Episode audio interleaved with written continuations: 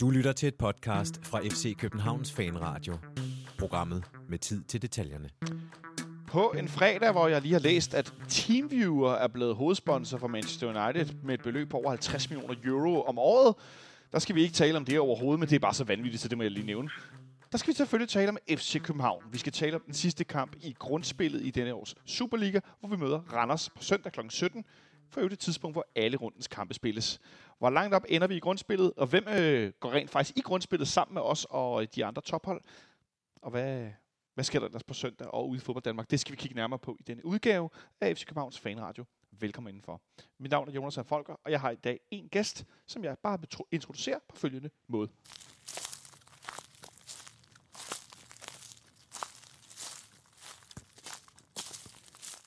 Og til dem af jer, der ikke øh, kan regne ud, hvad det betyder, så er det fordi, at jeg dag, øh, i dag kun har en gæst, og det er gæsten, som jeg øh, med min ultra platte humor, som jeg bliver nødt til, som altid undskyld lidt for, har døbt øh, øh, Mathias Stenstrup til manden i busken.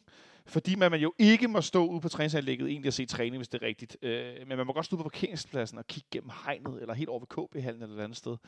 Øh, velkommen til, Mathias. Tak skal du have. Tak skal du have. Og, og øh, det der mand i busken hænger jo selvfølgelig ved, fordi du jo selvfølgelig i dag har været ude at se træning, right? Nemlig. Ja, det har du. Det er dejligt. Øh, vi skal snakke lidt om, hvad du har oplevet i dag ude på anlægget. Vi skal tale en lille smule om, hvad vi tror, der sker med den her top 6-stilling.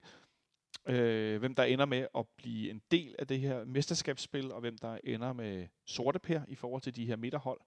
Øh, og så skal vi øh, selvfølgelig tale om den her kamp på søndag mod Randers i Randers. Øh, som øh, afgør, øh, hvor vi ender hen i grundspillet, inden vi går ind i de sidste runder af Superligaen i denne her sæson.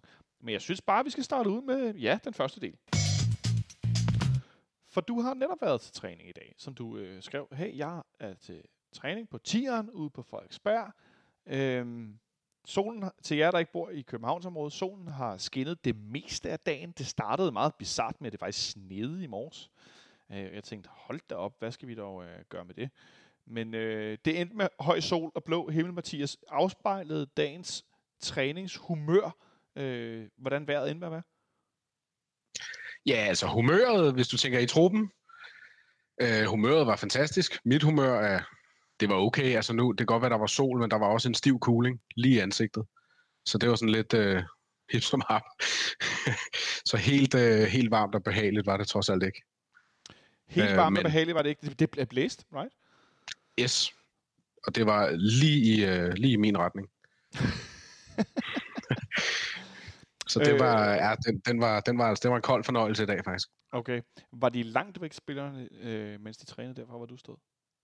Nej, nej, de trænede på den bane, der er tættest på KB-hallen. Okay. Det vil sige, vi har ligesom, de hed, jeg tror, de hedder vel bane 1 og 2, de to baner, der er ud fra mellem 10 og KB-hallen, og så træner de så på den, der er tættest på, ja. tættest på KB-hallen. Og der må, man, øh, der, der må du gerne stå lidt på afstand og være lidt hemmelig og, og kigge lidt.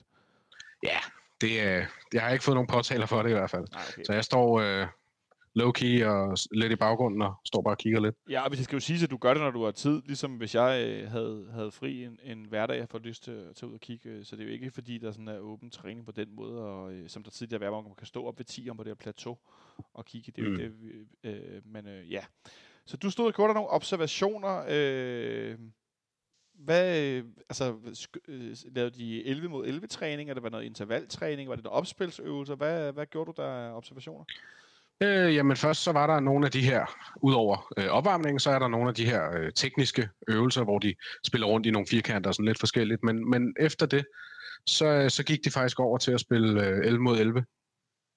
Øh, men, okay, men det, der er lidt sjovt, det er, at det er lidt forskelligt, hvordan de spiller 11 mod 11. Typisk, når jeg har set dem spille 11 mod 11, så er det i en angribende udgave, hvis man kan sige det sådan. Altså det vil sige, at, at A-holdet har bolden og skal angribe ned og score et mål. Okay hvor i dag så A-holdet skulle spille bolden op nedefra, altså fra målmanden, og så spille den ud fra forsvaret op. Og så stoppede spillet, så snart de ligesom havde spillet sig fri. Så det var en art opspilsøvelse, kan man sige? Ja, ja det, det, var, det var jo sådan en opspilsøvelse, men det var mere den her observation omkring, at det var, det var opspillet og ud fra eget målfelt, ja. mere end det var angribende ind i feltet og score mål, som det oftest er, når jeg har set de her 11-11. Hvordan agerede øh, B-holdet så, mens det her stod på? Stod de højt? Stod de lavt? Øh, ja.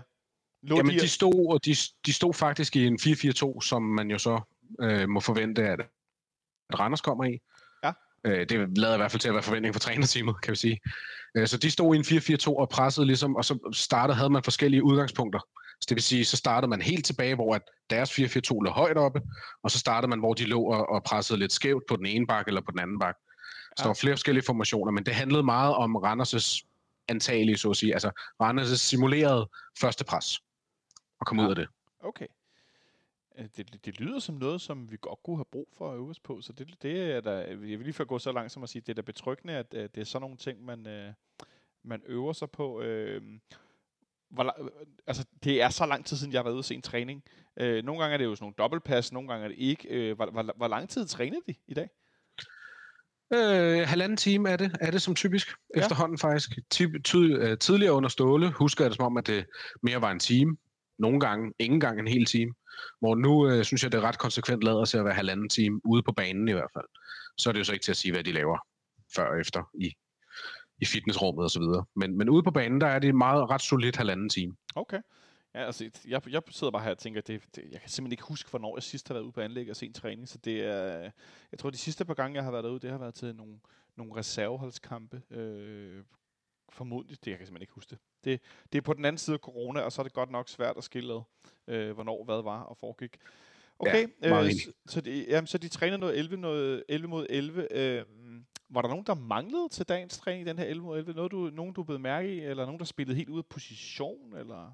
Øh, ja, øh, flere forskellige ting. Vi kan tage, hvem der manglede først. Øh, ikke så overraskende. Øh, Peter Ankersen var overhovedet ikke med.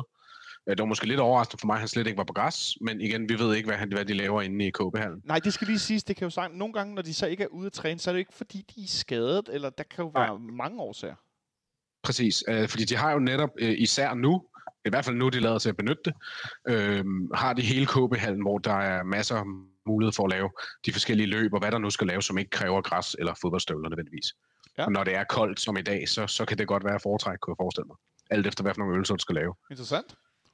Øhm, men i hvert fald, dem øh, på banen, der Peter Ankersen var ikke til stede, og så øh, mere overraskende for mig var Lukas Lea ikke til stede. Ja, okay. Øhm, ja, så ham ikke på noget tidspunkt. Og det, det er sjovt, det gik først op for mig. Jeg stod, øh, som jeg tidligere har omtalt, jeg står altid til at starte med at prøve at, at spotte, om der er nogen, der ikke er der. Og jeg, jeg, havde, jeg var slet ikke kommet på, at Lukas Lea ikke var der, før de begyndte at spille den her 11 mod 11. Hvor jeg så, hvor jeg så tænkte, "Nå, hvis Stage spiller der, så må det jo...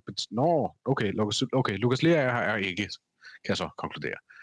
Så den kom lige lidt senere til mig. Men, Man skal lige vende sig til, at han er i truppen.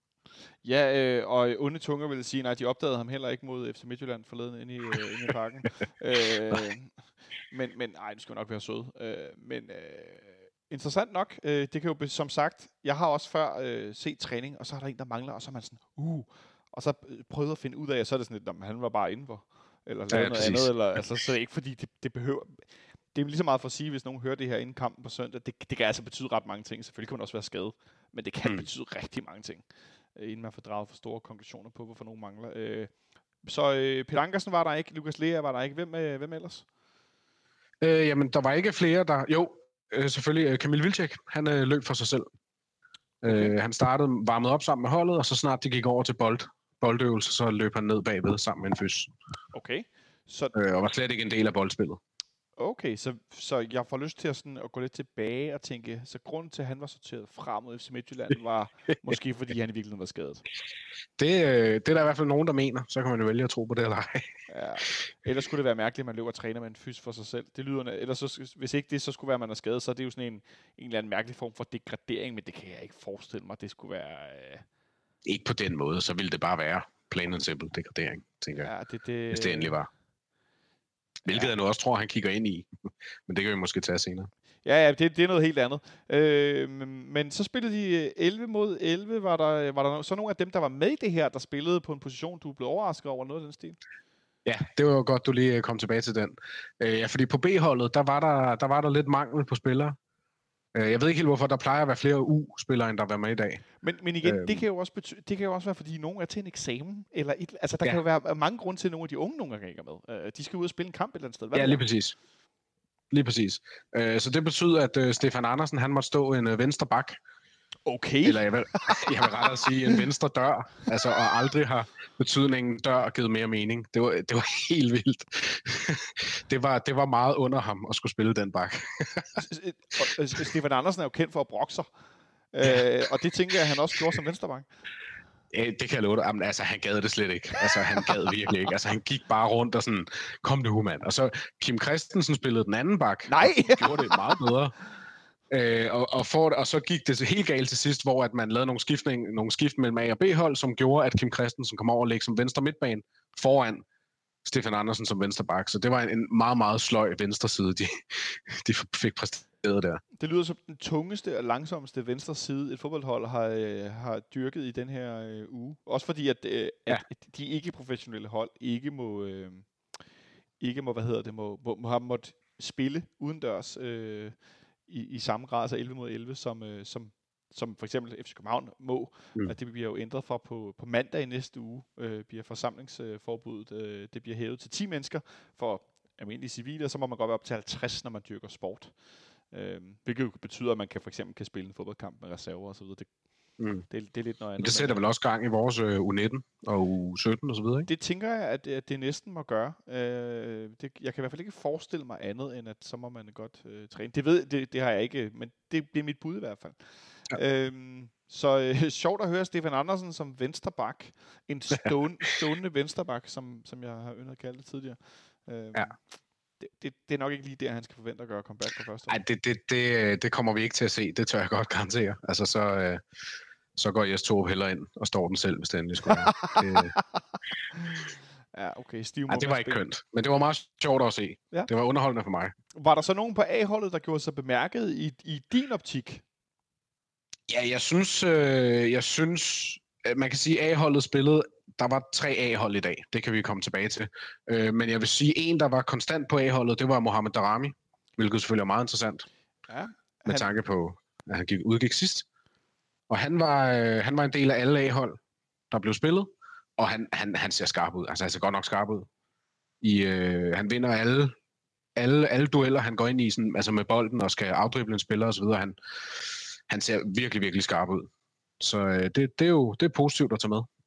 Ja, så det vil sige, at øh, vi skal ikke være bange for, at, øh, at Mos, øh, ja, det kan jeg vel så godt til mig at kalde det, hovedpine fra kampen mod FC Midtjylland, hvor han jo fik meget uheldigt Uniekas øh, fod, skråstreg, skitteben i baghovedet, og den her snak, vi havde sidste gang med, mm. øh, flere, han var ude flere gange, og skulle nok have været ude med det samme, og skulle han ikke, og så videre. Det lyder ikke som om, at det er noget øh, alvorligt overhovedet, når han kan træne øh, fuldt med nu. Nej, og jeg synes også, jeg så en udmelding i går eller i forgårs fra FC København om, at, at det var ikke, altså det var definitivt ikke en, en hjernerystelse, der var tale om. Og det, det er simpelthen gået min næse forbi, men... Øh... Jamen, jeg, jeg så den bare lige i overskriftformat her øh, en af dagene. Om, skønt. Øhm, så ja, så, så det er jo dejligt. Herligt. Darami så skarp ud. Var der, øh, var der andre, der øh, gjorde sig øh, positivt bemærket? Ja, så, så, øh, så er jeg simpelthen nødt til at nævne øh, Victor Christiansen, da han øh, kom ind og spille på, på, på, på A-holdet. Ja. Altså, han, øh, han ser rigtig, rigtig god ud. En ting er, nogle af de indlægsøvelser, de, de kører, kørt senere, hvor han også er, altså han har, en, han har virkelig en skarp fod. Altså, øh, nu har man jo set det, men jeg bliver alligevel overrasket, når jeg ser det, fordi han, altså, han er så ung og, og så ny, men han har altså virkelig, virkelig en skarp venstrefod. Altså, den lå der hver gang, hvor at Oviedo og de andre, det var jo sådan noget lidt, lidt hip som hap. Så i den sammenligning, der, der, der så han virkelig stærk ud. Men også i, i det her opbyggende 11 mod 11, jeg fortalte om. Der var han også, altså han skillede sig rigtig godt af med bolden. Jeg var evig eneste gang, hvad jeg lige så i hvert fald. Om det så var til centerforsvaren, til Sega eller frem i banen. Det var lidt forskelligt, men han, var, han så meget, meget solid ud. Ja, det, øh, jeg ved, det glæder en del af vores medfans, fordi vi, vi er jo... Altså helt naturligt, at, man, at folk selvfølgelig hyped over en, en meget ung vensterbak, der kommer ind lidt for siden, efter at have været en lille smule kamp, og så øh, præsterer han bare rigtig, rigtig godt. Øh, mm. det, øh, det er umuligt at være andet. Selvfølgelig skal vi være lidt... Eller, vi skal ikke selvfølgelig. Jeg kan ikke lade være med at være lidt forsigtig i forhold Nej. til øh, omtale af ham og så videre. Øh, også med tanke på, at nogle spillere kan brage igennem, og så kan de ramme dødvanden, og hvad sker der så, og alle de her ting. Men jeg synes bare, at det tegner rigtig godt, og han virker som en, en sød og fornuftig ung fyr, der, øh, der har en masse drive og en masse energi, uden at være sådan helt overivrig, øh, og det er sgu cool, når nogen har øh, skruet hovedet godt på i en ung alder. Øh, tænk, hvis man selv havde haft det. Øh, det er en helt anden samtale. Der gider vi slet ikke gå ind. Der, der, der det være. Øh, var, der, var der nogen, udover Steven Andersen, som selvfølgelig ikke er venstreback, hvor du tænkte, uh, det der, det så sgu ikke så godt ud. Nu skal vi huske på, i gamle dage, ja, i gamle dage, FC København tid, altså for cirka 10 år siden, og du stod løs, der havde vi jo måske den bedste træningsspiller nogensinde. Af Ilton Almeida. Og til at ja. se træning, da han var i FC København, var jo som at, at få lyst til at gå klichéernes øh, største landevej, og så tale om Copacabana i Brasilien og sådan noget. Men vi taler om en spiller, der til træning jo tørrede alle. Han brillerede jo, og dobbelttunneller, og jeg ved fandme ikke hvad. Og så når vi spillede kamp, så var der jo nogle gange, hvor han jo var... Altså det var det bare som en, en pandekage kastet i en vandpyt. Det var virkelig øh, en fladbåd omgang. Ikke? Øh, ja. men, men til træning kunne han jo være fuldstændig brilliant dygtig. Ikke? Mm. Øh, så, så det der med at se, om man er god eller dårlig til træning, selvfølgelig kan det godt sige noget om, hvor man er hen, men, men nogle gange så er det også bare helt til siden. Men ja, ja. alligevel, alligevel, Mathias, var der nogen, der sådan virkelig stak ud som værende, altså sløj? Øh, ja, jeg, altså, jeg, jeg er nødt til at udpege en, øh, nu, nu du spørger om det, og, og det er virkelig ikke for at tilføje til, til eksisterende bashing og så videre. Uh. Men, øh, så det, den skal lige lægges ud til at starte med. Men når det så er sagt, så er jeg simpelthen nødt til at sige, at, at, at Mustafa Bundu var re- rystende, rystende dårlig. Altså, det var helt, helt sindssygt. I, I alle udfordringsøvelser, i afslutningsøvelser, i øh, løb med boldøvelser, altså hele vejen rundt, halvdelen går helt galt. Så har du måske øh, 25% af det resterende, som, som er sådan noget ladet noget, og så er der 25%, der nogle gange lykkes. Altså hvor det er sådan noget, et, et skud, der lige så godt kunne gå forbi, men bare sådan laller sig ind på en eller anden måde. Altså det, det var jeg godt nok rystet over at se i dag. Jeg, jeg kan simpelthen ikke huske at have set det nærmest siden Stifte Ritter. Jeg, jeg får lyst til at, at kalde det, øh, man kunne godt have et segment, der hedder Dagens Papa Diouf til træning, fordi jeg kan huske, at han havde svært ved at lave indersideafleveringer nogle gange. Han, han havde ja, det med sådan ja. at sparke halvt ned oven på bolden, så bolden altid hoppede. Mm. Så når han skulle aflevere 5-7 meter bare inderside, så fik han altid ramt den sådan lidt sådan begyndt at hoppe. Ja. Og, og det, det er sgu noget af det mest sindssyge, jeg har set i mit liv. Så det, det lyder som om, at vi, øh, vi, vi er lidt derhen af altså, han, han fremstår for mig virkelig som en, der, der, har, der er ramt på selvtilliden. Altså, det kan man jo som sådan godt forstå. Altså, han har ja, kommet og har meget, han gerne vil bevise for andre lægtiden og alt det her, men ja. det, det, det, det, det er virkelig, virkelig ikke meget, der lykkes for ham i dag. Og det, altså, for mig stikker det ud selv for en træning. Altså, nu skal vi huske på, at, at træning, det er jo sådan, det er jo bare træning. det er det selvfølgelig ikke, men, men det er jo ikke de her afgørende kampsituationer, vi ser i tv om søndagen. Så selvfølgelig, der er ikke nogen, der sparker alt ind, og der er ikke nogen, der brænder alt. Nej. Men, men jeg kan ikke huske at have set en, en så bemærkelsesværdig dårlig øh, træningspræstation i lang tid. Han lyder jo Mustafa Bundu som en, hvor selvtilliden simpelthen bare er blevet trukket lige ud med ryggraden. Ja. Jeg tror, at det må være den Lyngby kamp, øh, hvor han jo brænder to, nogen siger tre direktører, og siden da har det bare været, været rigtig skidt, fordi han startede jo meget godt. Ja, han startede meget godt, og jeg var meget fortrøstningsfuld. Og, øh, åh ja, det kan godt være, han sluttede dårligt i AGF, og så tager han til andre læg, der måske er over hans egentlige niveau, og kommer ned og bliver rigtig brugt, da de skifter træner, og hvad ved jeg. Øh, mm. men, det, men det er da lidt for uroligt. Jeg håber, at han måske kan blive skiftet ind i Randers og få en succesoplevelse, eller altså sådan noget den mm. stil. Fordi det lyder ikke som om, han er en spiller, der skal, der skal starte inde på søndag, når du fortæller det her, også når vi har set øh, startopstillingen. Øh, det er selvfølgelig svært at drage noget taktisk ud af noget, når man, øh, når man ser to-tre A-kæder, og der bliver skiftet rundt og så videre. Øh, men det tænker jeg, det gemmer, til, gemmer vi til, vi skal tale om noget øh, startopstilling. Var der ellers noget interessant, øh, du sådan observerede der, øh, noget, noget, noget, noget, der foregik ud på Frederiksberg i dag? Øh, nej, ikke, ikke udover, men jeg kommer, kommer i tanke om en sidste, sidste note, jeg gerne vil være med for, ja. for, hvad kan man sige, for træningspræstationen. Jeg synes faktisk, Kaufmann, og nu ved jeg godt, jeg har truttet lidt i, i hornet omkring Kaufmann på det seneste, men jeg synes faktisk, han, øh, han, han er kommet stærkt tilbage, ser det ud som om i dag. Altså, han er, han er, han er altså, jeg havde helt glemt, hvor, hvor kraftfuld han er. Altså, det er jo, men man, får, man tænker jo lidt på corner, når man ser ham løbe rundt der. Altså, fordi de der, han er bare et tog, men det tog er sindssygt hurtigt om at komme op i fart også. Altså, det, det ser helt unaturligt ud.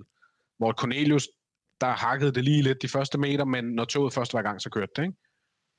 Øh, hvor Kaufmann, han, altså, jeg havde helt glemt, hvor hurtig han er. Det er, det er ret vildt. Og så også måske, det, og det der med, også, selvom vi måske øh, ser ham spille på stadion, hvor man måske på tribunen står det, man kan, man kan jo godt stå tæt på også, men man kan også stå langt væk. Men mm. så når man ser træning, så er det på en græsplæne, altså sådan lige derhen. Ja. Der er ikke langt hen til, at han løber meget hurtigt.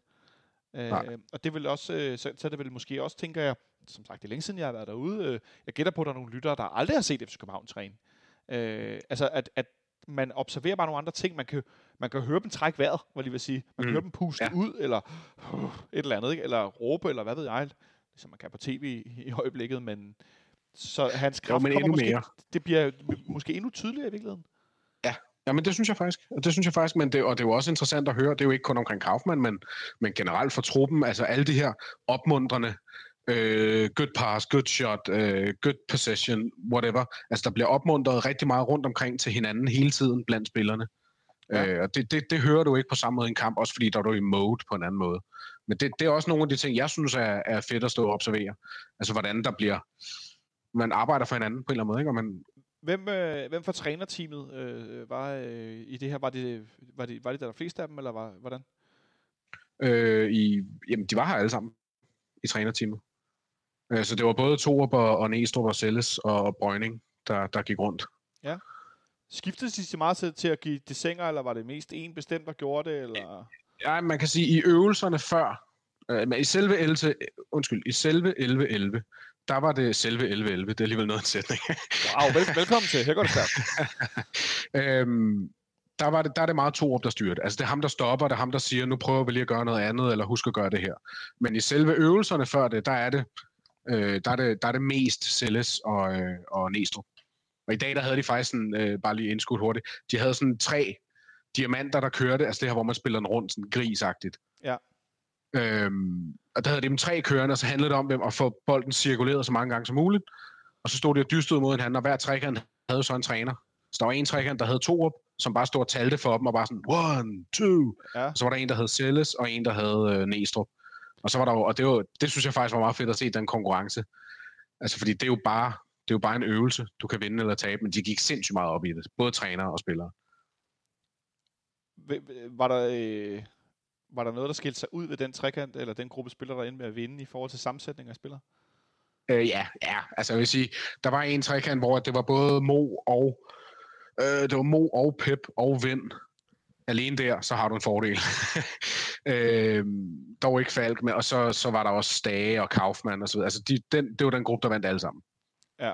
Og taberne, de skulle så ned og lave push-ups eller lave nogle andre forskellige fysiske straføvelser. Ja, okay. Var der, så var der flest målmænd i den gruppe, eller var de udenfor her?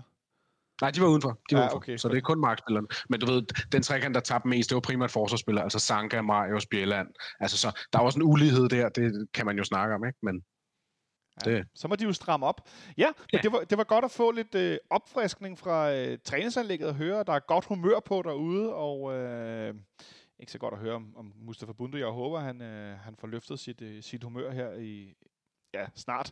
Men øh, i hvert fald fint at få en lille opfriskning ud fra træningsanlægget. Thanks for tuning in to FC Copenhagen Fan Radio. You're listening to Atiba Hutchinson. Mathias, nu har jeg åbnet Superliga-stillingen på Superliga.dk. Meget pudsigt, at jeg lige bruger den side, var. Øh, og den, øh, toppen kan vi jo komme til at tale om lidt senere, men i midten, der har vi jo, øh, på femtepladsen har vi Randers, som vi møder, med 29 point. På sjettepladsen finder vi Sønderjyske med øh, 28 point. På syvende pladsen, altså i det, der lige nu er øh, nedrykningsspillet, eller bundstriden, hvad vi nu skal kalde den, der har vi AB med 28 point, også. Og så har vi FC Nordsjælland på 8. pladsen med 26 point. Øh, og så har vi OB på 9. pladsen med 25 point, som ikke kan nå at øh, overhale øh, OB og Sønderjyske, medmindre de vinder meget stort, øh, mener jeg, den, den gik på. De skal vinde øh, rimelig voldsomt for at, øh, for at spille sig op i den sjove ende af, af tabellen. Øh, altså med andre ord, jo jo, alt kan lade sig gøre, men nej, det kan det ikke. Øh, og så Vejle nummer 10 med 24 point, og så gik Lønby lidt i stå, men har altså 17 point, og Horsens med 12. Øh, når vi kigger på den her midtergruppe af hold, Randers 29, Sønderjyske 28, OB 28 og FC Nordsjælland 26. Helt fra hoften, af de her sådan, to hold under top 4, hvem tror du ender med at være dem, der går øh, med i mesterskabsspillet? Oh, ja, ja det, er jo, det er jo spørgsmålet. Jeg tror, jeg føler mig overbevist om, at OB de slår OB. Så jeg tror, OB vinder. Ja. Øhm, og dermed vil jeg gerne afsløre, at jeg tror, at de også ender over Randers. Så meget vil jeg gerne sige. Fordi... øh, det betyder så sjovt nok, at Randers taber eller spiller uafgjort mod os. Fordi det hedder så, at, øh, at øh, Nordsjælland spiller hjemme mod Sønderjyske, for det ikke skal være løgn. Så der er også en masse på spil der. Øh, og så spiller, øh, hvad hedder det, Randers mod os, og øh, OB spiller hjemme mod OB. Så der er en del indbyrdes. Der er to, ind, to gange to indbyrdes, eller hvad vi nu skal kalde mm. det, i det her, øh, det her midterfelt. Øh, for nogle klubber, der jo har været lidt svingende, for at sige det mildt, nogle af dem. Øh, OB, som, som du siger, du tror øh, øh, ikke måske helt på. Øh, nu er de kommet ja, lidt, nej, men... lidt tilbage. Ja. Efter ikke at have vundet og, og spillet uafgjort, og ikke, så har de vundet over Sønderjyske og vundet over Vejle. Øh, og OB, som jo øh, har fyret deres træner, og har lavet en, øh, en CV og indsat Michael Hemmingsen som, øh, som træner frem til sommer, mens Allan Gortes rekrutteringsfirma finder en ny træner. Det, det er meget, meget mærkeligt. Jeg kan anbefale at høre øh, OB-podcasten Stemmer for, øh, Stemmer for Odelen. Øh, Martin Davidsen, tidligere tipsblad journalist, øh, laver, som jo er en, øh, en rigtig fin øh, podcast om OB, om fodbold i det hele taget. Der er nogle gode snakke, og de tager det her voldsomt under behandling. Det er godt nok en øh, speciel situation. Øh, jeg ved slet ikke, hvordan jeg skulle have taklet, hvis vi har lavet en CV. Nej, det, det, det er mærkeligt. Ja, og så fået, øh, og så fået Allan Gorte til at finde en ny træner. Det, skulle, øh, det er mærkværdigt, det kan jeg så godt sige. Øhm, men øh, OB er kommet lidt efter det, øhm, og så har vi øh, den anden kamp, øh, Nordsjælland mod Sønderjyske, et FC Nordsjælland-hold, som jo har, har kæmpet noget med det her i, i foråret. De ender med, så med at tage til Lønby og vinde 3-0, rimelig overbevisende. Øh, godt nok i en kamp, hvor at, øh, Lønby også brænder straffe og så videre. Pascal Gregor bliver udvist til sidst, inden Lønby, øh, Nordsjælland scorer de sidste to mål. Men øh, hvad hedder den, Ibrahim Sadik scorer jo meget tidligt i kampen, kan man finde på Superliga.dk, et ret godt mål, et lop for 4-25 meter eller 20 meter, noget af den stil, hvor han simpelthen bare kører den i sådan en, ikke engang en høj bue, men bare sådan en bue ind over, øh, ind over Lønbys målmand. Øh, så Nordsjælland er, har fået en lille smule gang i det, masse uafgjort kampe, øh, også mod Horsens vinder i, i Aarhus i den her kamp, hvor at, uh, Bubakar Sané forsøgte at amputere ja. uh, Sadiks uh, ben, som jo faktisk uh, ender med at, at udgå mod, uh, han bliver skiftet ud i pausen mod Lønby, fordi han simpelthen var påvirket af den her skade stadigvæk det, i sig selv. Nå, ja. det jeg faktisk ikke engang. Nej, fik de sagt på tv. Så der er en masse der kom efter, og så Sønderjyske, som også har kæmpet noget med det, men har fået gang i, uh, fået gang i det her til sidst. De øh, går videre i pokalen mod Fremad Amager, og så øh, vinder de 2-0 over Horsens på, på hjemmebane, efter at have spillet en uafgjort og tabt fire ud af de, de fem foregående øh, Superliga-kampe. Så pludselig blev det meget, meget tæt i midten. Øh, du tror på, at, at OB klemmer sig op? Ja, det tror jeg, men, men, men spørgsmålet er jo så, øh, så nøglen den ligger jo i Nordsjælland og, øh, og Sønderjyske kampen. Ja. Jeg tror, OB vinder. Ja. Så så det giver jo dem, øh, det giver jo så dem 31 point. Mm. Øh, så øh, hvis vi lige tager vores kamp ud af ligningen, så, så er spørgsmålet jo med Nordsjælland. Fordi Nordsjælland, hvis de vinder, så har på nuværende tidspunkt er de fem dårligere på målscoren end Randers det, det er godt nok kompliceret. Ja, præcis. Men fem i, med to kampe inden som komponenter, det er jo ikke umuligt. Så Randers kan godt kigge ud i en situation, at selv hvis, selvom Nordsjælland eller, eller øh, Sønderjyske vinder, så skal de passe på, hvor meget de taber. Så Randers skal vel egentlig bare håbe på, at øh, Nordsjælland og Sønderjyske spiller uafgjort? Øh, ja, men så har vi jo så ikke, hvis Randers... Jo, det skal det, fordi Randers har bedre målscore end Sønderjyske. Ja, det skal de faktisk håbe på. Ja, fordi at uh, Randers har en målscore på 29-20. Det er faktisk en ret fin målscore når man er sådan mm. midt, øh, ikke når man er sådan et midterhold, men når man er et midterhold, det er en okay plus, ja. plus 9, og Sønderjyske har en målscore på 29-30. Ja. Øh, der er ikke nogen af dem, der har lukket så mange mål ind, som vi har. Øh, det er kun Lønby, der har lukket, øh, og, og Horsens, der har lukket flere ind. Så vi røg ned på tredje flest mål lukket ind. Wow! Ja, ja, ja, ja. Det skal jo starte sted, jo. Ja, det går den rigtig meget. Vejle også været indhentet, de har nu lukket 32 ind, og vi er på 33. Øhm, så, så du gætter på, at det... Jeg kan næsten fornemme, du regner med OB, og hvem er så den anden, der går med? Ja, Bare, jamen, det er jo gratis, det, det, det, det, det jeg simpelthen ikke kan... Jamen, så tror jeg, jeg tror faktisk, at, øh, at Randers, de klarer den, selv med et nederlag. Og jeg tror, at øh, OB går med. Ja, så Randers og OB. Randers. Så jeg tror, OB går med som femmer, og Randers som sekser. Ja. Øh, det, er der, det, det, er der, øh, det er der mange interessante perspektiver i. Jeg, jeg, jeg ved ikke helt, om, jeg, om, Øh, jo, det tror jeg jo egentlig også et eller andet sted på, fordi at jeg tror sgu, at, øh, at OB slår, øh, slår OB, og så må det jo næsten ende sådan, uanset hvad, selv hvis Nordsjælland skulle vinde.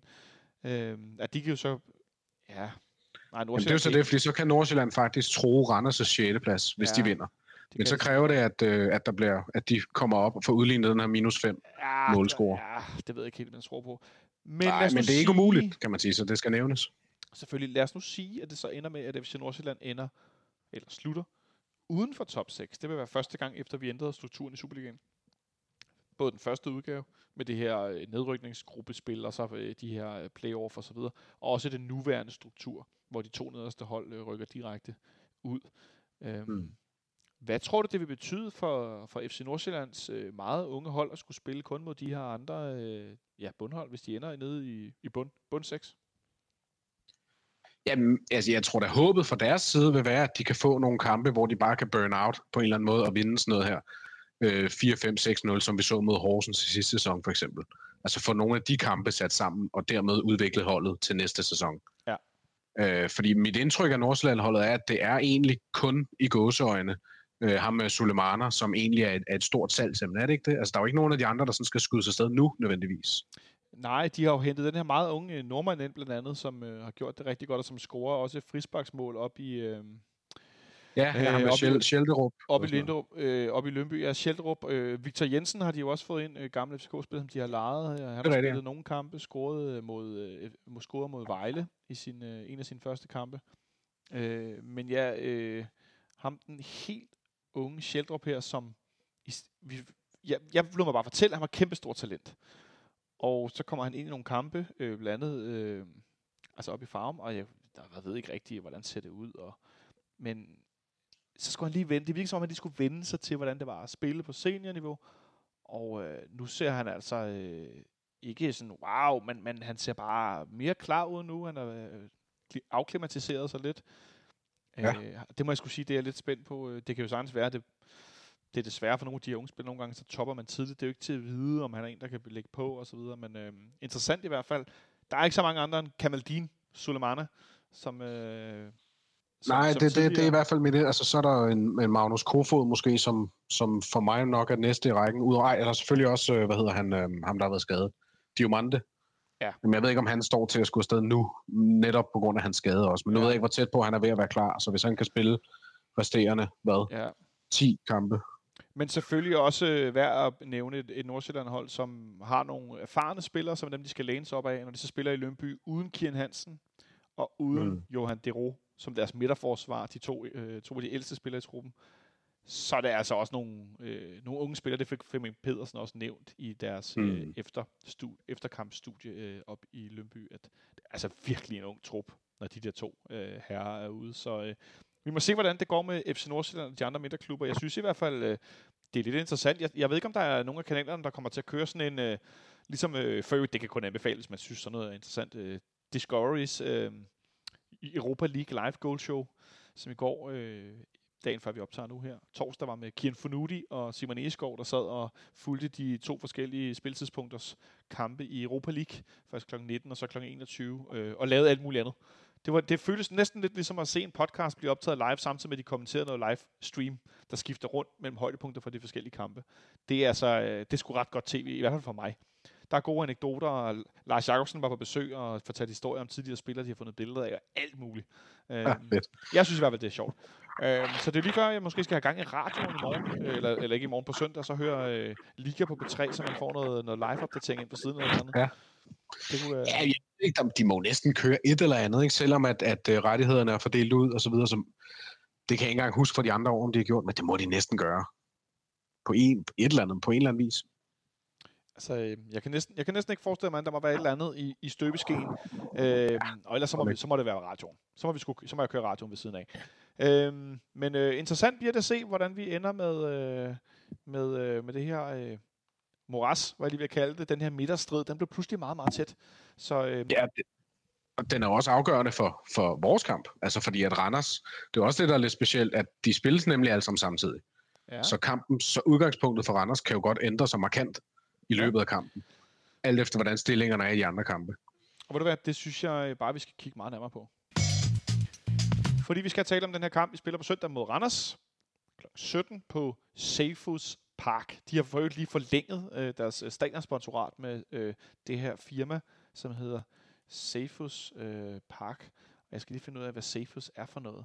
Safus Partners, tror jeg, det hedder. Øh, det har jeg simpelthen ikke... Øh, det er faktisk et meget godt quiz-spørgsmål. Hvad laver Safus? Det er, noget, ikke sådan noget energi. Jo, det er vist noget... Øh, og noget af den stil. Øh, men øh, et Randers stadion, som jeg har været på en del gange efterhånden, der blev lidt sjovere efter de byggede om. Øh, og det, de har jo hed alt muligt i Randers. Det har hed ja, de må have top 3 alene nærmest. Auto C Park Randers, Bionutria Park Randers. Ja. Øh, det har godt nok hed øh, mange forskellige ting, men øh, der skal vi i hvert fald spille over. En kamp, som vi selvfølgelig skal vinde, ligesom alle mulige andre kampe. Øh, et Randers hold, som øh, øh, vi jo tabte til sidst ind i parken. Det var på undertegnets fødselsdag, hvis jeg skal være lidt egocentrisk. Det var en super fed mandag. Øh, ifølge Nipserstad.dk, som du selvfølgelig som FCK-fan har som bogmærke, hvis du går lidt op i FC Københavns historie. Nej, det behøver man ikke have, men det kan jeg kun anbefale. Øh, der var der 246 tilskuere i parken. Ej, det er simpelthen trist på en måde. Øh, det var en af de der, det var den periode, hvor der godt må være nogen tilskuere. Øh, men der, øh, der taber vi den her øh, kamp, og øh, jeg tænker faktisk, Mathias, at vi lige skal have en lille pausequiz. Ja, kom ja, med. Vi tager den lige. Så bliver det ikke helt pause, men nu laver vi den så nu. Og øh, quizzen lyder som følge. Sidste gang vi tabte til Randers, altså før den her 23. 11. til sidste år. Forrige gang er det så selvfølgelig for. Forrige gang vi taber til Randers, der taber vi 3-0 i Randers. I den her kamp bliver en tidligere FC København-spiller udvist. Hvilken tidligere FC København-spiller bliver udvist, da vi taber 3-0 i Randers? Det kan okay. Mathias lige øh, kigge lidt ud af vinduet og tænke over. Det kan du også som lytter tænke over. Vi taber 3-0 til Randers, og en tidligere FC København-spiller ender med at blive udvist. Øhm, så kan jeg jo i mellemtiden, øh, som jeg ynder at gøre, fortælle lidt om, hvad vi skal lave på mandag. Der skal vi selvfølgelig gøre status over Superligaen efter grundspillet. Vi skal gøre status over, øh, hvem der ender med at komme med, og om der var stort drama søndag og så videre, og om VAR var afgørende i sidste sekund, om nogen ender med at være i bundstriden eller i topstriden. Vi skal gøre status over øh, FC Københavns resultater. Hvordan ligger vi før den her øh, øh top 6 øh, skal spille mod hinanden i mesterskabsspillet? Hvordan ser det egentlig ud med spillet, med resultaterne? Gør det evaluering på Jesus Torup, og hvordan det ellers er foregået øh, siden han kom til for, ja, det er jo snart øh, et halvt års tid siden, inden vi ser ind i, at vi skal virkelig til at skrue en række rigtig gode resultater sammen mod de andre tophold. Og det har vi jo ikke haft for vane. Så der er nok at tale om på mandag. Det tager vi til den tid hvor vi selvfølgelig også har nedtagt for kampen søndag. Så Mathias, nu får du lov at gætte, hvilken tidligere FC København-spiller bliver udvist forrige gang, vi taber til Randers, hvor vi taber 3-0. Ja. Jeg tror faktisk godt, jeg kan huske noget af den kamp, hvis det er den kamp, jeg tænker på. Og så tror jeg, at vi er tilbage i øh, i april måned 15. Kan det passe, hvis du har det foran dig? Åh, oh, det er faktisk meget godt. Nej, det har ikke. Nej, sorry. Det er, øh, det, det, det er korrekt, det er april måned 15. Oh, jeg kan huske med... Jeg husker, som om Daniel Mankva blev skadet i den kamp. Og det var sådan en af de der ting, der gjorde den kamp endnu værre. Og hvem kan det være? Ja, Cornelius. Øhm, jeg ved ikke, om jeg skulle have præciseret spørgsmålet, men, men øh, nu gælder du på Cornelius, og det er ikke korrekt, fordi det er en Randers-spiller, der bliver udvist. Nå, Okay, altså sådan noget, jeg ikke forstået det. Det kan godt være, det var mig, der formulerede det dårligt. Øh, så uh, Okay, så en Randers-spiller. Altså, det var derfor, jeg sagde en tidligere FC København-spiller. Jamen, så er det vel Johnny. Johnny Thompson er budet. Det er, ja. des, det er desværre forkert. Øh, inden jeg afslører svaret, så kan jeg sige, at det er fandme stærkt hævet, at Danny Mankva bliver skadet, fordi gode gamle Danny, han bliver skadet øh, udskiftet efter 6 minutter. Øh, ja, men, men, men øh, grunden til, at jeg kan huske den kamp, det var fordi, jeg, den spillede samtidig med, at jeg sad i et fly fra Barcelona til København, oh. og jeg så resultatet, der landede. Men det fly, den flytur glemmer jeg aldrig, fordi der slog lyn ned i flyet. Så derfor slår lige den dag, den, den står bare lige lidt mere øh, klar i rendringen. Så kan jeg godt forstå, at du kan huske, at det var i august, fordi det lyder godt nok voldsomt. Øh, Daniel Mangva bliver udskiftet på grund af en skade i akillescenen, og han er så skadet ifølge noterne på Nipsestad i 6 måneder efterfølgende. Ja, så var det. Øh, næste note. Ludvig Augustinsson udskiftes på grund af en skade i anklen. i øh, pausen. Øh, ind i stedet for Daniel Manker kommer Tom Hyggelig, og ind i stedet for øh, Ludvig Augustinsson kommer Per Nielsen eller Pelle. Det var en, øh, en, øh, en kamp, hvor vi på bænken har Kim Christensen, Jonas Felfeld, Kevin Foley og Mikkel Volkemut. Så hvis nogen var i tvivl, så var det der i 15, hvor vi var sindssygt hårdt ramt af skader. Vi havde så mange skader. Christoffer Remmer spiller... Øh, er det der, hvor Remmer i en periode spiller næsten central midt, tror jeg? Ja, det, var det, uh, næsten. det kunne det godt være, ja. Det, må det, det, kunne det, godt. Være, det, vil ja. også, det vil også, øh, det må så være kort efter der, at øh, Brejdur, eller Brandur, han begynder at komme op. Kan det ikke passe? Øh, og det er da mig, der er idiot. Undskyld, jeg er jo kæmpe idiot. Fordi det er jo ikke... Det er jo ikke Bare hvis nogen var i syv. Jeg er en fucking idiot. Øh, det, er jo, det, jeg, det, der, det går for hurtigt nogle gange, fordi det er jo en FC København-spiller, der bliver udvist, som i dag er tidligere spiller. Og det er ikke Cornelius, men det er derimod Brandur Henriksson, Henriksson som du her med. Ah, okay. Også, ja, også kendt som Brandur Olsen. Det var en virkelig dårlig quiz, det er jeg altså ked af. Undskyld til jer, der lyttede med. Der er helt sikkert nogle af jer, der inden, inden jeg når til den her øh, erkendelse af, at jeg kejler rundt i det, så er der helt sikkert nogle af jer, der har siddet og tænkt, hvad er det, han snakker om? Øh, hallo, det er forkert. Det beklager jeg meget. Jeg skulle selvfølgelig sagt, hvilken FCK-spiller bliver udvist i den her kamp. Øh, så næste gang har vi... Øh, på mandag har jeg en bedre quiz. Det lover jeg. Det var simpelthen noget råd. Men så fik vi talt om, at vi stillede op med Steve De Ritter og Bjørn Sigurd Darsson som angreb. Christoffer Remmer som central midt. Øh, Nikolaj Jørgensen var også på banen. Sanker med hyggelig. Rui Gislason, Thomas Delaney, Antonsson, øh, Steven Andersen på mål. Det, det, det lyder som en, øh, en bizarre øh, startopstilling. Ja øh, Bjørn Sigurd Darsson, der for øvrigt i går spillede angriber for Molde i øh, Europa League mod Granada. Så fik vi også lige den med. Og så tror jeg bare, at jeg skal trykke på en skiller herovre. Selvom jeg har gjort det, fordi nu skal jeg væk fra det der gøjl, jeg fik lavet. Det er godt, det ikke er fraktionsquiz, så jeg havde gravet mig selv ned, hvis jeg havde sagt noget, der var så hjernedødt. Undskyld. Videre. Vi spiller på søndag. Randers. Øh, det er længe siden, øh, vi har, sådan, har været dårlige på Randers over her sidste gang, haha. Men at øh, vi i en lang periode helt tilbage til 15, øh, vinder 3-0, vinder 4-0.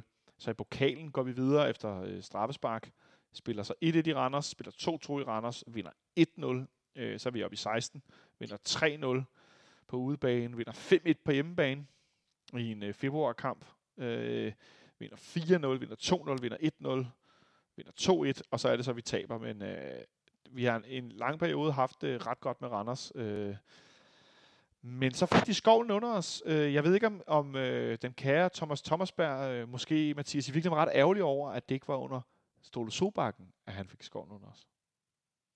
Det tror jeg da godt, du kan ret i. Det, om han så vil indrømme det eller ej, det er nok en anden ting, men jo, det tror jeg da helt bestemt. Så tror jeg da desuden, der er mange trænere, der har det. Altså en, en Glenn vil da nok også gerne have en, en sejr i parken over Ståle og, og så videre. Ja, det kunne man godt, øh, kunne man godt forestille sig. Men et, et Randers-hold, som, øh, som har, er blevet sådan, sådan stærke i deres udtryk. Jeg synes, de, de har gjort det godt i, øh, jeg har lyst til at sige en længere periode, men i hvert fald er de sådan ret øh, tydelige i, hvordan de spiller, og øh, de har også haft sådan lidt svingende resultater her øh, efter nytår, for at sige det mildt, fordi Mathias, du har så kigget lidt på deres resultater faktisk, ja, siden nytår, og det er lidt bemærkelsesværdigt. Ja. Ja, det må man sige. Altså, de vinder åbneren mod Horsens, og har så, har så ikke vundet siden. I Superligaen i hvert fald. Nu vandt de så her i sidste uge i pokalen mod Vejle. Øh, så det er så kun deres anden sejr i år. Så to sejre i alt. Og, og man kan sige, at de otte Superliga-kampe, vi har spillet, der er det altså den 8. kamp, den for otte kampe siden, de har vundet, og siden der har de tabt og spillet uafgjort. Og det, er, det, er jo, det er jo et godt tegn for os. Ja, sige. det er nogle meget, meget målfattige kampe. Det er 0-0, 1-1, så taber de 2-1 mm. til OB som har været skidt kørende. Spiller 0-0 i Brøndby. Vi kigger med flad. Den var de for øvrigt rigtig tæt på at vinde. Ja, øh, taber de 2-1 til Lønby på hjemmebane, hvor Lønby ligesom var i gang med deres, øh, hvad skal vi sige, deres move tilbage, hvor at, øh, at Lønby scorer øh, er bagud 1-0 i lang, lang, lang tid, så scorer de to mål til allersidst. Mm. Vinder som sagt over, over Vejle i pokalen, øh, og spiller så uafgjort i, øh, i Aarhus, også på et straffespark scoret i overtiden, efter at, øh, hvad hedder han, øh, den var faktisk brændt, øh, og så scorede Misrati på sin egen repost. Efter Patrick Mortensen forsøgte at lave en Jens Dage Light nede i deres eget felt, øh, og katapultere sin albu ind i en Randers-spiller. Det er ikke så smart. Øhm, men et Randershold, som svingende meget og så ud som, de var en rimelig klar top 6-kandidat, og så kom de tættere, tættere, tættere, tættere på de andre hold. Øh, hvor meget betyder det for din øh, forhåbning eller forventning i forhold til, til kampen på søndag, at de har svingende resultater?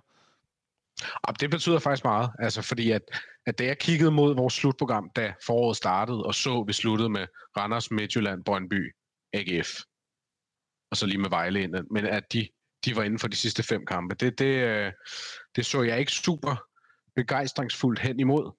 Netop fordi, at Randers jo lå rigtig godt til, da vi startede forsæsonen. Men de så, efter en god, efter, som vi lige nævnte, vinder den første kamp, så er de jo så gået fuldstændig så. Øh, har godt nok hævet nogle flotte, altså en uafgjort på nogen, hvor man siger, at det, det er måske okay. Men til gengæld har de jo så fejlet at vinde, eller bare spille uafgjort i nogle andre. Så det glæder mig da, at, at det ikke virker som et hold, der bare buller derudad, i forhold til, at vi også har meget brug for en sejr. Det er en, øh, en kamp, hvor at de har Toshin Kehente i karantæne, en rigtig fin øh, midtbanespiller, som de har, har fået ind i, øh, i den her sæson. Han har scoret et enkelt mål og lavet øh, fem assist. Øh, han har også spillet øh, tæt, øh, altså han spiller oftest øh, 90 minutter, når han starter inden, øh, bliver skiftet ind ud i, i, i Brøndby, hvor de spiller 0-0, men ellers så har han, har han spillet en, en hel del, øh, også her i, i foråret. Ellers er der ikke nogen karantæner i nogen af de, på, hos nogle af de to hold. Øh, men Mathias, med tanke på vores 0-0 mod FC Midtjylland, hvor at, ellers det, der var min kæphest, øh, forsvaret, blev, blev øh, i hvert fald, jeg vil ikke sige forstærket, men det så bedre ud, men vi gjorde os også nogle taktiske ændringer i forhold til, at Rasmus Falk spillede fløj-angriber. Mm. Tror du, det er noget, vi kommer til at se igen? Nej, det, det, det, tør, det tør jeg næsten godt love. Jeg tror ikke, vi kommer til at se Falk derude igen lige forløbig. Øhm, det, var, det var en måde at sætte holdet på dagen, og det, det kan jeg sådan set sagtens forstå, og det lykkedes jo også langt hen ad vejen, kan man sige. Men jeg tror ikke, det er noget, der er sådan i den grad øh, arbejdes på. Altså det er, det er, når du ikke kan finde plads til ham andre steder, jamen så må du rykke ham ud på kanten, fordi han er stadig en dygtig spiller, og skal nok skabe noget. Ja. Øhm, men, men, men der er ikke nogen tvivl om, at, der er ikke, hos mig i hvert fald, er der ikke nogen tvivl om, at han er en klar, som udgangspunkt, fastmand inden centralt.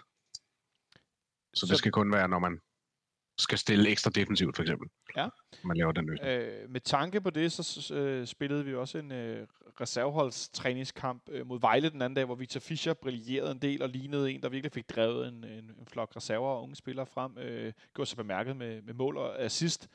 Øh, så nu starter vi lidt utraditionelt. Øh, tror du, Victor Fischer øh, starter ind mod øh, Randers? Og han er en af dem, der er svær at bedømme, faktisk, øh, hvis, jeg skal, hvis jeg skal sige det fra, fra træningen. Øh, men hvis jeg laver en blanding af træning og min egen tanke, yep, ja, det tror jeg, vi gør. Jeg tror, vi ser ham starte ind. Ja. Tror du, øhm. øh, det har løftet ham lidt, øh, eller skulle det energi i ham, at han skal altså, lige op sig lidt i forhold til at starte inden, starte ude, eller hvordan, hvordan tænker du? Det håber jeg da. Altså, det håber jeg da helt bestemt. Det, det bør det. Øhm, at, han, han ved det jo 100% godt, og de har jo snakket i forvejen, så han ved godt, hvad der forventes, men, men ingen, kan, ingen kan sige noget til det signal, der bliver sendt i, at han bliver sat på bænken. Øh, så jeg håber det da, at, at det kan gøre et eller andet. Ja. Øh, om ikke andet, så i hvert fald ved hans vilje, men man kan sige, lige hans vilje og hans gejst, den fejler aldrig noget. Altså, det, er, det er aldrig den, der har været problemet. Det er mere, om det lykkes eller ej.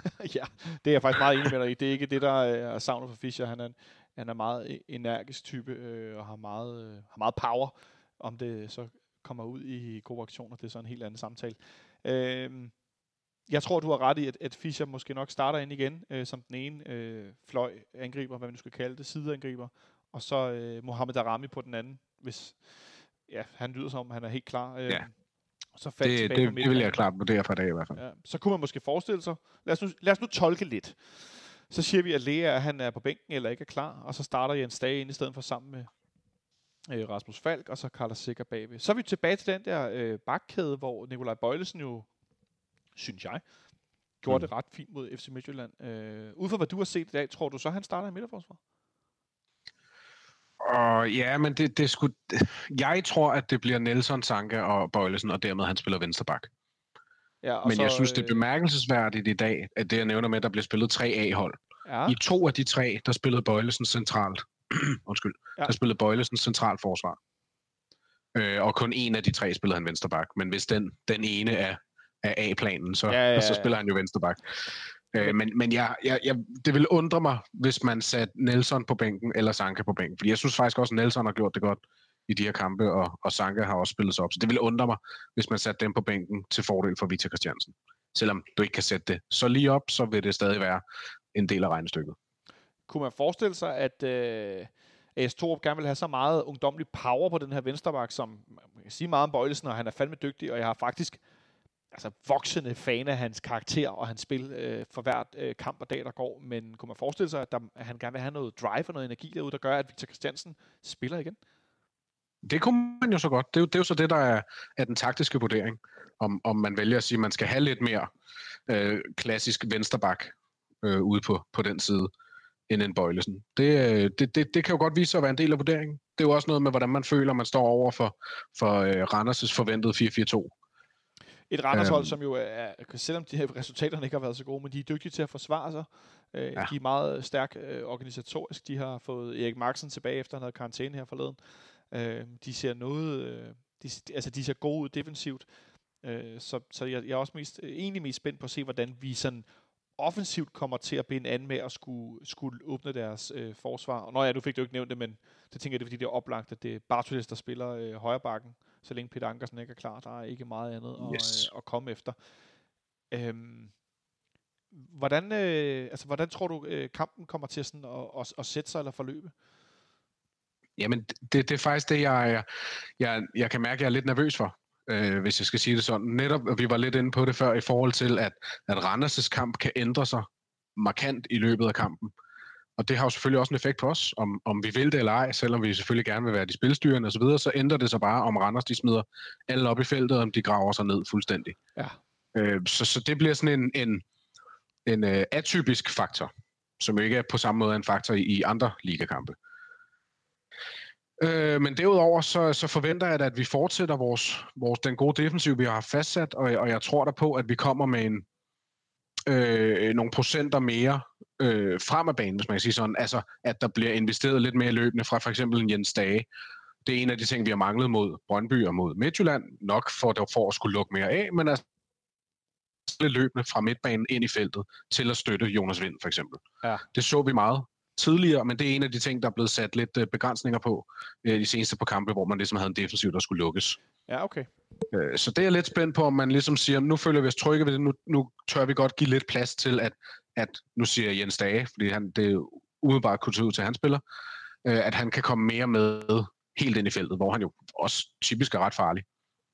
Ja, og der skal vel også fyldes på i feltet. Det er noget, vi har talt meget om, og det er sådan lidt... Ja og det er ikke meget, øh, hvad skal man sige, angrebsspil eller angriberspil, vi får, hvis ikke de to otter, de kommer i feltet, eller hvis ikke de to angrebsfløje, de kommer mm. mere med ind, så, så øh, og Jonas Vind stadig søger ned i banen, hvilket han jo gør, øh, så, så mangler der godt nok noget presence ind i boksen, hvis ikke mm. det er på dødbolde, vi skal være farligst endnu en gang, ja. som vi talte om sidst. Så håber jeg, at Fischer eller Pep Biel starter ind, fordi at ellers så står det altså sløjt til med vores øh, dødboldseksekvering. Så ser vi pludselig Nikolaj Bøjlesen sparke Jørgenspark. Ej. Mm. Øh, og, og som en fik bemærket, Carlo Bartolins kan jo ikke kaste Jørgenspark. Øh, så, øh, så, så, så pludselig ser det lidt mystisk ud på det her punkt. Men med Fischer øh, som starter, så vil det også have givet sig selv, og så vil nogen sige, at hans Jørgenspark er dårlig. Og der må jeg sgu opponere lidt. Jeg synes faktisk ofte, de er i, øh, i de rigtige områder. Øhm, mm. Men det virker også som om, at vores, vores øh, offensiv hjørnespark er blevet lidt, øh, lidt bedre her på det sidste. Øhm, ja. Øh, faktisk øh, meget sjov pointe. Altså nu, nu er jeg jo, ja, som mange ved efterhånden, jeg er jo typisk ude en gang om ugen og se træning, så jeg ved godt, det ikke er et sandhedsbillede for hele ugens træning. Men det har alligevel overrasket mig, at jeg ikke en eneste gang har set holdet træne offensiv dødbold. Jeg ved godt, de selvfølgelig gør det, men, men i forhold til det her kampforberedende, når man ligesom har dem her spillere, nu går vi ned og træner defensiv dødbolde. Og det har jeg set nogle gange i træk nu, at så er det defensiv dødbolde, defensiv dødbolde, defensiv dødbolde, færdig. Øh, og det bliver bare ja, en, en lille observation, som, som har undret mig lidt, fordi jeg synes ikke, vi er både på død, altså både på hjørnespark og på frispark er, er så farlige. Altså bold, nogen, jeg, jeg vil påstå, jeg er sådan set enig med dig, at mange af boldene ligger egentlig okay, men det er jo også noget med, at, at der skal også være nogle krydsløb og lidt forskellige, som ligesom skaber pladsen til, at folk kan komme op og hætte. Ja. I stedet for, at det bare, altså, i stedet for, at alle bare står i en klump, for så er alle, alle hjørnsbak dårlige. Ja, ja, sandt. Kunne man forestille sig, at det er noget, de træner om øh, lørdagen, hvor træningen tit er, øh, er lukket? Ja, ja, selvfølgelig, selvfølgelig, og det er også derfor, jeg siger, men det var, det var alligevel bare, jeg synes bare, det var en sjov observation, fordi at ja. tidligere, igen, det var selvfølgelig under Ståle og en helt anden træner og alt muligt, men der var det typisk først de offensive, og så de defensive samtidig, kan man sige. Øh, så, så det er jo bare, ja, det var bare en lille sjov ting, som jeg havde undret mig over. Og så dårligt som med at være på dødboldet, der stod for manager til sidst, så, øh, så synes jeg, det er rart, at de ikke gør sådan nu, fordi det var godt nok gralt det sidste ja, års tid i hvert fald. Der var det virkelig skidt på dødbold. Ja. Det fik vi. Den gode gamle, vi skulle aldrig på hjørnesang, den har i hvert fald ikke levet forgæves for den periode, skulle jeg helt sige. Hold op. Øh, det er der vist ingen øh, tvivl om. Så en startopstilling, hvor der er nogle, nogle små ukendte faktorer, om det er Jens Dage eller Lukas Lea. Jeg tænker, Rasmus Falk er rimelig sikker på den anden. De her mm. otter. Det offensiv giver også, ifølge i hvert fald os to, morgerlæs sig selv. Øh, så jeg vil egentlig bare lade dig komme med et, øh, et bud på, øh, på kampens resultat. Jamen, jeg tror, jeg tror, det bliver en målfærdig kamp, fordi jeg tror, vi fortsætter vores, vores defensiv, altså glæden i, i at stå godt defensivt, hvis vi kan sige det sådan. Så jeg tror, vi vinder 1-0. Du tror, vi vinder 1-0. Det vil da være... Altså, tænk, hvis vi kunne holde 0 to kampe i træk. Ja, fordi Randers, de er altså ikke... Øh, nu er ham der kammerat skadet, og så har de Marvin ja, Ego, som hvis det er deres... Ja, han er skadet. Øh, Nå, da, da, da, da. Mm, ja, jo, jo, jo, det er han altså. Og så deres eneste anden, så at sige, det er ham der Marvin Ego, som er... Ja, altså han, det, du ved ikke, hvad du får, hvad du møder op, men hvis, hvis de heldige at få det rigtige, så kan han godt være kampafgørende. Men han kan lige så godt bare være en, nærmest en ligegyldighed. Ej, det er måske lidt hårdt sagt. Men jeg synes, han, han svinger meget ego. Det er i hvert fald min opfattelse, når jeg har set ham. Ej, der er mange dårlige jokes med det der navn. Der er ego, når han spiller. øh, han har scoret to mål i 21 kampe. Ja, det er jo ikke super skarpt. Det er som ikke så voldsomt. Kammerat har scoret 9 i 17. Det er noget mm. bedre. Øhm, men ja, de har også Emil Riesen også scoret to mål i tre kampe. Ham har de jo øh, skilt sig af med her tidligere på sæsonen. Så er Vito, mm. Vito, øh, Vito Hammershøj Misrati, som er midtbanespiller, tek- teknisk stærk. Han er deres næst mest scorende med, med fire mm. mål. André Rømer nåede at lave fire mål, inden han skiftede også. Mathias Greve har lavet tre. Så der er ikke så mange mål i Randersholdet. Øh, der, bliver, øh, der bliver mere taklet og forsvaret. Det, det er der vist mm. ingen, øh, ingen tvivl om. Så vi må se, om vi kan forholde dem øh, nede på, Ja, ikke at score nogen mål. Jeg tror nu, de laver en enkelt, men jeg tror faktisk, at vi får gang i vores offensiv, øh, især når Randers i anden halvleg. Måske kvæg nogle resultater i en anden kamp, bliver nødt til at satse lidt frem og bag på banen. Og så giver det også øh, muligheden for at, øh, for at, øh, at score, og så tror jeg, at vi vinder 3-1. Ja. Øh, Jamen, den, den, den tager jeg gerne. Ja, jeg, jeg har jo sådan et, mit håb om, at det har man selvfølgelig altid, men sådan en blowout-kamp, altså hvor, hvor alt bare lykkes, både offensivt og defensivt. Det, det er helt klart sådan en kamp, vi mangler. Det, det har jeg, men det håber jeg selvfølgelig i hver kamp. Men den, den, kunne, den kunne vi godt have brug for lige ind til et øh, slutspil. Når du hører det her, som, som medfan, så hvis du har lyst, der er ikke en tvang, så, så må du gerne skrive til os øh, på Twitter eller på Facebook, hvis du kan, sådan, også i forhold til højdepunkter og nogle kampreferater og sådan noget, minde mig og, og øh, måske andre medfans om den sidste gang, hvor FC København spillede en kamp, hvor vi satte 90 gode minutter sammen. Måske med meget få udfald. Det er der jo oftest. Man har 5-7 minutter, hvor man giver bolden til modstanderen og hviler det der ja. forsvar. Men en helt stykke præstation, hvor vi ikke øh, spiller en god time eller et eller andet. Men simpelthen den, den, den rigtig gode kamp. Hvornår har vi sidst gjort det? Det kunne jeg egentlig godt tænke mig, øh, det kunne jeg faktisk godt tænke mig hjælp til. For det første fordi, at jeg har svært ved at, at huske det. Øh, men også for det andet, fordi at jeg, det, det, det, det slår mig, at det er utroligt lang tid siden. Ja, især hvis vi lige tager Horsens ud af billedet, ikke? Altså, fordi Horsens-kampene, de har været så i gåsøjne nemme, at vi ikke er blevet udfordret ordentligt bagtil, til man kan egentlig ikke helt bruge dem. Nej, men øh, som, øh... kampen, vi vinder her forleden 2-0 i Horsens, det er jo den dårligste anden halvleg, jeg har set i, i en del år i en fodboldkamp, sådan helt grundlæggende. Havde det ikke været en FC København-kamp, så havde jeg slukket mit tv i et højt tempo, kan jeg godt afsløre. Øh, det var virkelig en dårlig anden halvleg. Jeg husker som om, at den vi vinder 2-0 på hjemmebane lige før jul, der har vi god kontrol hele vejen igennem, men jeg tror ikke, vi spiller sådan, altså som du siger, 90 minutter bare derudad. Ej, jeg, jeg, jeg, jeg tænker så på den, vi vinder 2-0 over i Horsens, hvor at, øh, hvor Jonas Vind scorer efter en bundu assist, øh, og øh, altså, ja. det er virkelig dårlig en halvleg på en virkelig dårlig bane. Men mm. 90 minutter er godt sat sammen, hvis du kan komme på det, så øh, skriv gerne. Øh, jeg, jeg synes faktisk, det kunne være lidt interessant at kigge tilbage øh, på og prøve at finde frem til, øh, hvornår det sidste er. Også fordi det måske i virkeligheden er sjældnere, end vi egentlig tror som fodboldfans. Øh, ja, jeg skulle lige så sige det, fordi det, det er vel egentlig nok sandheden for mange hold ja. i realiteten. Spørgsmålet er bare, om man spiller mange på 85-90 procent, og nogle få på 100, eller Så det 1, tætteste, 2 på øh, 95 og resten på 40. det tætteste, vi kan komme, fordi nogle gange er de største resultater jo lavet på, at man øh, gør det rigtig godt, men man spiller ikke, altså jeg tænker, nu er jeg helt tilbage, jeg tænker sådan noget Barcelona hjemme i Champions League, der spiller. Mm. vi ikke en, en, øh, en 100% helt støbt øh, kamp. Jo, vi, det gør vi måske på en eller anden måde, kvæg at vi holder Barcelona med Mm. på et mål, men det er jo ikke fordi, at vi fuldstændig holder dem for chancer øh, og så videre. Så, så det der med den, den helt støbte præstation, hvornår har vi sidst gjort det? Øh, byde endelig ind øh, på øh, det ene eller det andet eller tredje medie, så skal vi se, om ikke vi kan øh, i hvert fald få det med på, øh, på mandag. For jeg ved, det er noget, at den ene gæst på mandag, Nikolaj Ingemann, han, øh, han, han tit øh, øns- øh, ynder at nævne, at han savner i hvert fald mere end en god halvleg, som vi ofte mm. Ser, at vi får spillet i øjeblikket. Øh, det er i hvert fald sjældent, der er to af dem. Øh, så øh, det må vi se, om vi kan finde ud af. Øh, jeg tror, det var, øh, det var ordene for i, i dag. Vi nåede rundt om øh, en træning på et solskinsramt Frederiksberg, en top 6 og en kamp på søndag i Randers. Mathias, du skal have tusind tak, fordi du var dagens eneste gæst. Der var lidt øh, mandefald på, øh, på gæstfronten, så øh, vi må nøjes med manden i busken. Det er mig en fornøjelse. Og tak til dig derude, fordi du lyttede med. Øh, endnu en gang, jeg glæder mig til, at vi er tilbage på mandag, forhåbentlig efter en øh, sejr. Gerne endnu mere tydeligt, end jeg lige har gættet på. Det må der altid gerne være. Og så øh, kan jeg ikke sige andet end, have det godt så længe. Vi lyttes ved.